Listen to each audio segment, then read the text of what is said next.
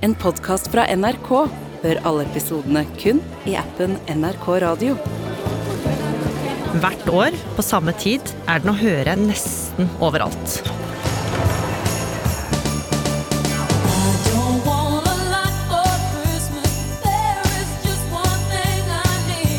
I snart 30 år har den fengende julelåta til Mariah Carey ikke bare toppa musikklistene, men blitt en juletradisjon for folk over hele verden.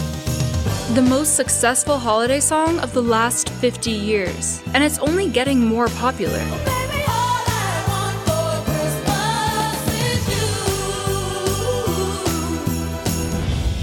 Men bak bjelleklang og en uskyldig tekst om kjærlighet skjuler det seg en årelang konflikt, drapstrusler fra blodtørstige fans og et betent søksmål. Du hører på Oppdatert. Jeg heter Gry Baby. For ca. en måned siden, rundt 1. november, så kom jeg over en video fra artisten Mariah Careys Instagram-profil.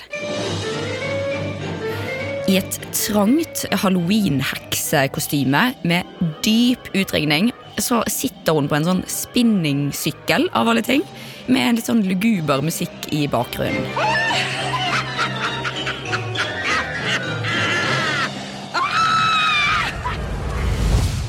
Men så, med et plutselig blaff, så blir hun omgjort til den Maria Carey mange av oss har sett før. Denne vakre, frodige kvinnen i en stram lateks-nissedrakt.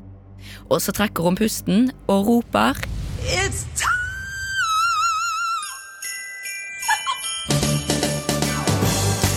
Og når man hører denne låten her, da er det ikke tvil, og da vet man at den tiden av året er i gang, nemlig julen. Tiril Mettesdatter Solvang, du er journalist her i Oppdatert, og låta vi hørte nå er jo All I Want For Christmas Is You av Mariah Carey, som er altså en av verdens mest populære julelåter noen gang. Men du har oppdaga ting med denne låta som kanskje ikke så mange visste om, Tiril. Ja, for selv om mange blir fylt med glede og julestemning av denne sangen, så viser det seg at det er ganske så sure toner bak hvordan låten ble laget. Og noen hevder òg at eh, Maria Carey har stjålet og utnyttet låten fra noen andre. Skikkelig juledrama, altså. Og for å forstå hvordan alt dette her henger sammen, så må vi litt tilbake i tid, Tiril. Ja, for på midten av 90-tallet, da var eh, Maria Carey på full fart oppover i sin store artistkarriere. Hun var på det tidspunktet i 20-årene og hadde allerede rukket å bli et av 90-tallets store popidoler, kjent for sin unike og kraftige stemme.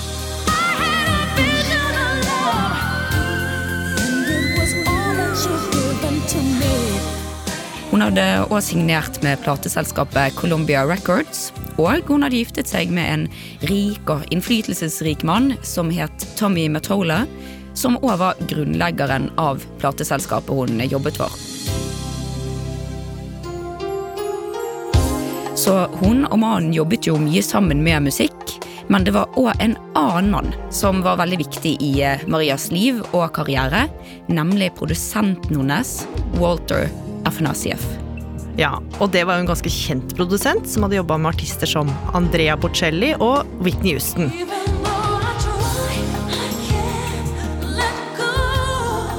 Ja, så de tre da, altså Maria, mannen hennes og Walter, de lagde en rekke hits på den tiden som gjorde at folk bare ble villere og villere etter det store idolet Maria Carey.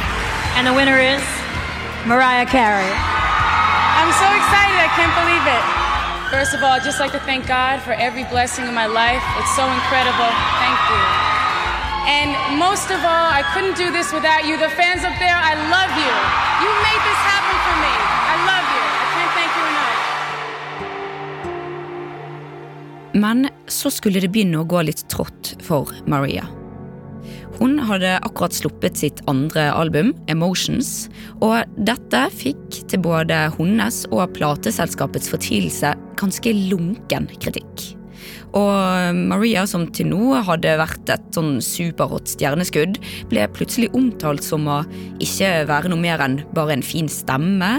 Hun fikk kritikk for å ikke ville turnere, for ikke å ville ha så mange konserter, og flere begynte å snakke om henne som en sånn typisk studioartist. Altså en stemme som bare er skapt eh, trygt og godt inne i et studio bak mikrofonen med headsetet på. Altså en som er en ganske kjedelig artist. Så nå måtte hun og folka rundt henne begynne å tenke litt nytt for å prøve å redde stjernens gode navn og rykte. Ja, helt riktig. Og det var nå, midt på sommeren i 1994, at Manones Tommy fikk en idé. De måtte lage en juleplate. Ja, Men Maria hun var skeptisk, fordi at en juleplate det var noe som på den tiden ofte ble laget av artister som var på slutten av karrieren. Og dette var jo ikke hennes tilfelle, som var en ung og sulten sånn popprinsesse. Og I tillegg så er jo julen en veldig tradisjonstung tid, så å finne på helt nye julelåter som skulle konkurrere med de gamle klassikerne, det ble sett på som et ganske dristig trekk å prøve seg på. Men hun hadde jo tydeligvis ikke noen bedre idé selv, for hun sa til slutt ja til å lage juleplata sammen med produsenten Walter. Og det var spesielt én sang på albumet som skulle bli veldig viktig, nemlig All I Want for Christmas Is You. Ja, og ifølge Maria så ble denne låten til en varm dag i august denne sommeren. Maria hun vandret rundt i luksuskåken sin i New York, og hun hadde funnet ut at for å lage julemusikk, ja, da måtte hun jo komme i julestemning. Så hun begynte å henge opp julekuler, julelys, hun satt på juleklassikeren It's a Wonderful Life, og hun lot tonene fylle hele huset mens hun vandret rundt i de store rommene. Og uten å tenke på solen som egentlig steikte utenfor, så satte hun seg ned med sitt lille Casio-keyboard og bare begynte å spille. I'm a terrible piano player, right? Sometimes it'll be a accident. Og ifølge Maria kom tonene til henne nesten med en gang. Just the quietness of being there in that room and playing and then writing and kind of changing a Christmas song into a love song back into a Christmas song and kind of making it all one thing. Hun tenkte på barndommen sin, hva som var julestemning for hun, og innen én time skal sangen og teksten ha vært ferdig. Og når den var ferdig, så tok hun den med til sin gode venn og produsent Walter. Og de finpussa på den her og der, og jobba med å gi den et uttrykk som en juleklassiker, samtidig som de prøvde å beholde poppreget. Men Walter han skal faktisk ikke ha hatt så veldig troen på denne låten. Det skal ikke ha tatt mer enn ett kvarter å produsere den i studio. Walter han skal ha trukket litt på skuldrene og sagt at ja ja, det blir ikke akkurat Svanesjøen, det her. Så både han og Maria de var jo litt skeptisk til hvordan denne juleideen egentlig ville slå an. Og det skulle de snart få vite, for noen måneder seinere, i november 1994, så ble julealbumet sluppet, og nå skulle skepsisen virkelig bli snudd til skamme, for folk de elska det de hørte. Ja, altså, Alle i plateselskapet hadde jo håpet at dette albumet skulle slå an, men dette var nok over all forventning. Og så var det jo en spesiell låt da, som folk skulle bli glad i, nemlig All I Want For Christmas Is You, som fløy øverst på topplistene allerede samme året som han kom ut. Og I tillegg så lagde Maria og Walter og Tommy en eh, musikkvideo til låten. Og i denne så var det en sånn smile, søt og ung Maria Carey. Hun hadde på seg en rød kjeledress, og hun lekte litt sånn uskyldig i snøen, kastet snø over hodet.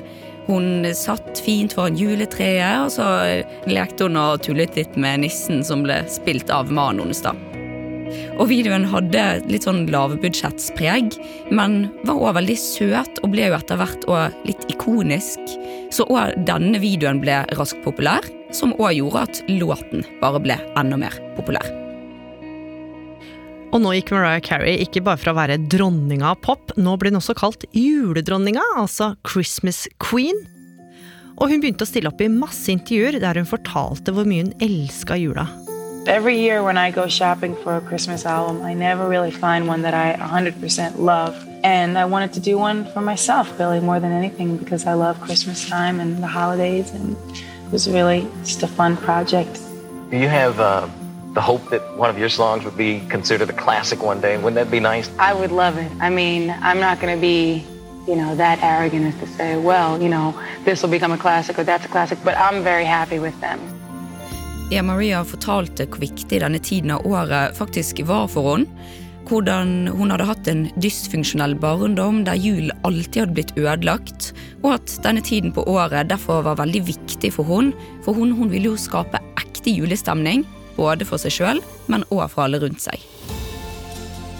Og folk de elsket jo dette, elsket det hun sa, og popkarrieren som hadde hatt en liten nedsving, den var nå helt på topp igjen.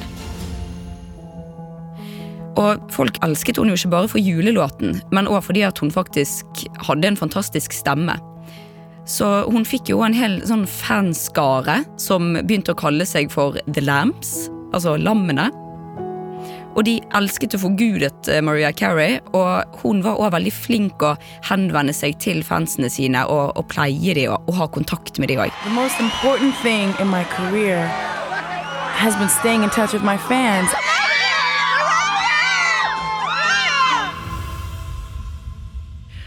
Og selv om åra gikk, så fortsatte låta å fenge, og den ble jo bare mer og mer populær. Ja, dette var jo alt annet enn en døgnflue.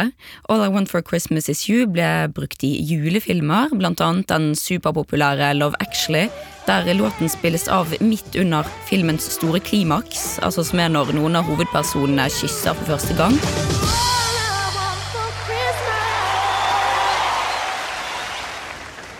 Right. So, not quite as secret as we'd hoped. Så sangen til Maria fikk jo bare nytt liv hele tiden, og toppet årlig alle julelister. Og i fjor blant annet så ble han kåret til nummer én høytidslåt gjennom alle tider av Billboard. Og hun tjente jo også ganske bra på låta. Hvert år så håva hun inn 2,5 millioner dollar, altså omtrent 25 millioner kroner, på sangen. Ja, det er ikke så verst, det. Og totalt så skal hun ha tjent 600 millioner kroner på sangen. Så man kan jo se for seg at hun hadde råd til noen fine julepresanger til de hun var glad i, i hvert fall. Men noen år etter at låta hadde blitt gitt ut, så skulle livet hennes ta en ny retning. Hun skilte seg fra mannen, og valgte også å bryte med plateselskapet sitt. Da slutta hun også å jobbe med produsenten og vennen Walter, og i tillegg så begynte hun å gå en litt ny vei musikalsk. Hun begynte å lage flere sanger i sjangeren R&B istedenfor pop.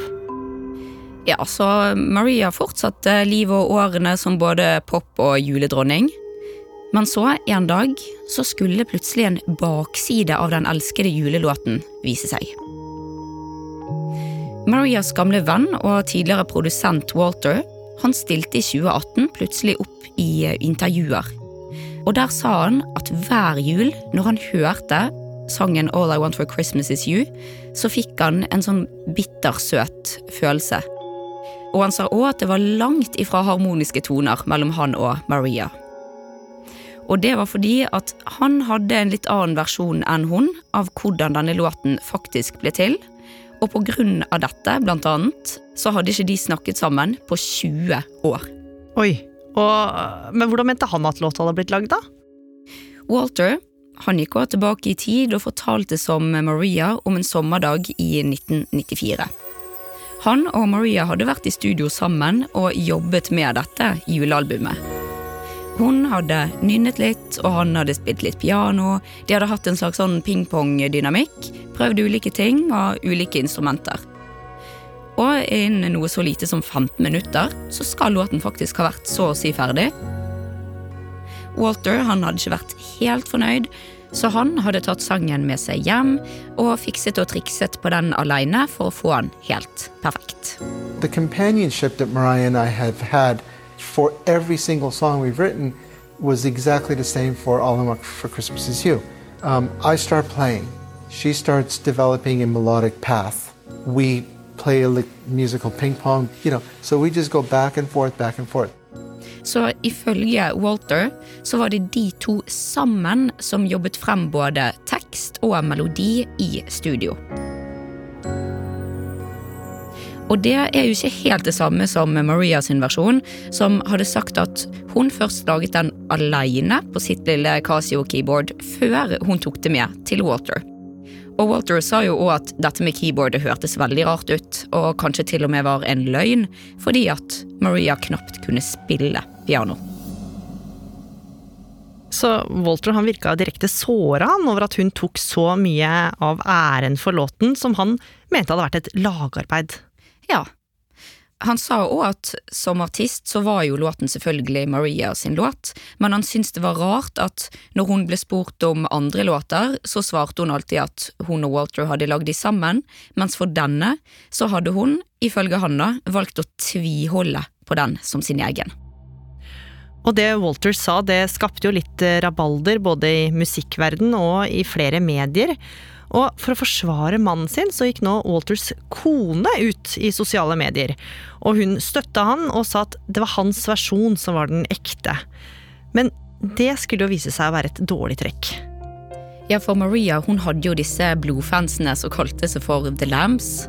Og da Walters kone gikk ut i sosiale medier, så satte dette virkelig scenen i kok hos disse lammene. Og de forsvarte Maria sin del av eh, historien, og det hele eskalerte visstnok så mye at Walter og konen skal ha fått drapstrusler fra fansene. De mente at han ikke snakket sant, og at han rett og slett ikke klarte å være glad på Maria sine vegne.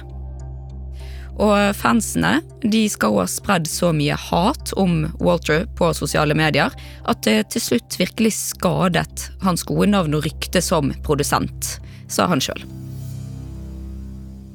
Men hva sa hovedpersonen? Ut ifra det jeg har sett, så har ikke Maria gått ut og forsvart seg sjøl noe særlig. Hun har blitt spurt om Walter i ulike intervjuer, men da sier hun bare at de to ikke har hatt kontakt på en lang stund, men at hun nå har veldig respekt for han som produsent. Det kan jo hende at det ligger en annen konflikt bak der enn bare julelåten, for de var jo en trio, altså Maria, eksmannen hennes Tommy og Walter, og Maria og mannen de skilte jo seg, men vi vet jo ikke så mye mer om dette. Likevel så virker det ikke som at de to er så veldig sure på hverandre nå, selv om de ikke har kontakt. Men denne låten virker jo noe mer som et slags sånn skilsmissebarn i juletiden, med to foreldre som krever sin rett over den i høytiden. Men da stormen rundt alt dette dramaet hadde lagt seg litt, og Mariah kanskje så fram til å kunne ta på seg nissedrakta og synge jula inn igjen, så skulle det igjen blåse opp til mild storm rundt julelåta. Ja, for nå i sommer så var det en annen fyr fra musikkmiljøet som skulle gå ut mot Maria. Countryartist Andy Stone, som spilte under artistnavnet Vince Vance, hevdet nemlig at den elskede julelåten hennes var et plagiat av hans julelåt fra 1989 med helt samme navn. Vi kan jo høre litt av sangen her, om det er noen likheter.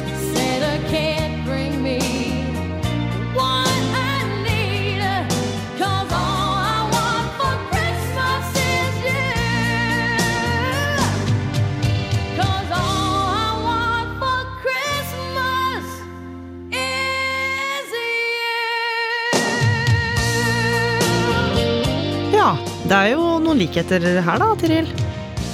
Ja, Stone mente i hvert fall at Maria krenket hans låt, og at hun ved kopiering av både tittel og ulike elementer i sangen hadde rett og slett gjort seg skyldig i brudd på opphavsretten. Så han var så opprørt at han saksøkte Maria av dette. Han mente at Maria til nå hadde tjent så gode penger på låten, og han krevde intet mindre enn 210 millioner kroner i oppreisning. Oi, men det hadde hun jo egentlig hatt penger til, da, for at hun tjener jo ganske mye penger på den låta her hvert eneste år. Ja, det hadde hun sikkert, men heldigvis for eh, Maria så slapp hun det. For eh, i november nå i år så droppet Stone søksmålet. Og hvorfor, det vet vi ikke. Bra for henne, da. Ja. Og vi andre som liker sangen, kan uansett bare sette den på og komme i julestemning. For uansett hva folk sier, så er jo Maria Carey en julelegende som alltid vil kobles til jul og denne storhiten av en låt hvert år.